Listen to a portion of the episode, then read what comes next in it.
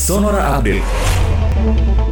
Pemerintah Kota Bogor, Jawa Barat menutup pelayanan Puskesmas Kelurahan Kayu Manis Tanah Sareal mulai Selasa kemarin hingga lima hari ke depan.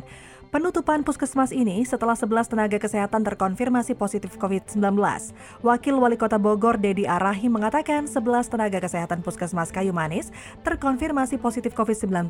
Atas temuan kasus tersebut, Satuan Tugas Penanganan COVID-19 Kota Bogor menutup sementara layanan kesehatan tersebut selama lima hari mulai kemarin.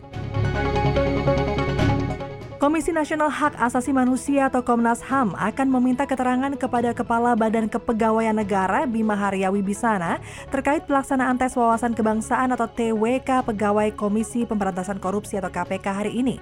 Komisioner Bidang Pemantauan Penyelidikan Komnas HAM, Khairul Anam mengatakan, proses tersebut sebagai tindak lanjut dari aduan yang dilayangkan oleh 75 pegawai KPK perihal dugaan pelanggaran HAM dalam pelaksanaan TWK.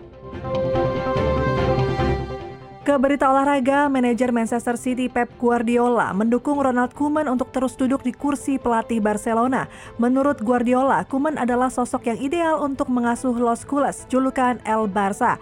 Masa depan pelatih asal Belanda tersebut di Barca sempat diragukan. Pasalnya, Ronald Koeman hanya mampu membawa Barcelona meraih satu trofi juara pada musim 2020-2021 yakni Copa del Rey. Namun, Presiden Barcelona Juan Laporta memutuskan untuk untuk memperpanjang, memperpanjang kontrak Ronald Koeman sampai dengan 30 Juni 2023. Demikian Sonora Update.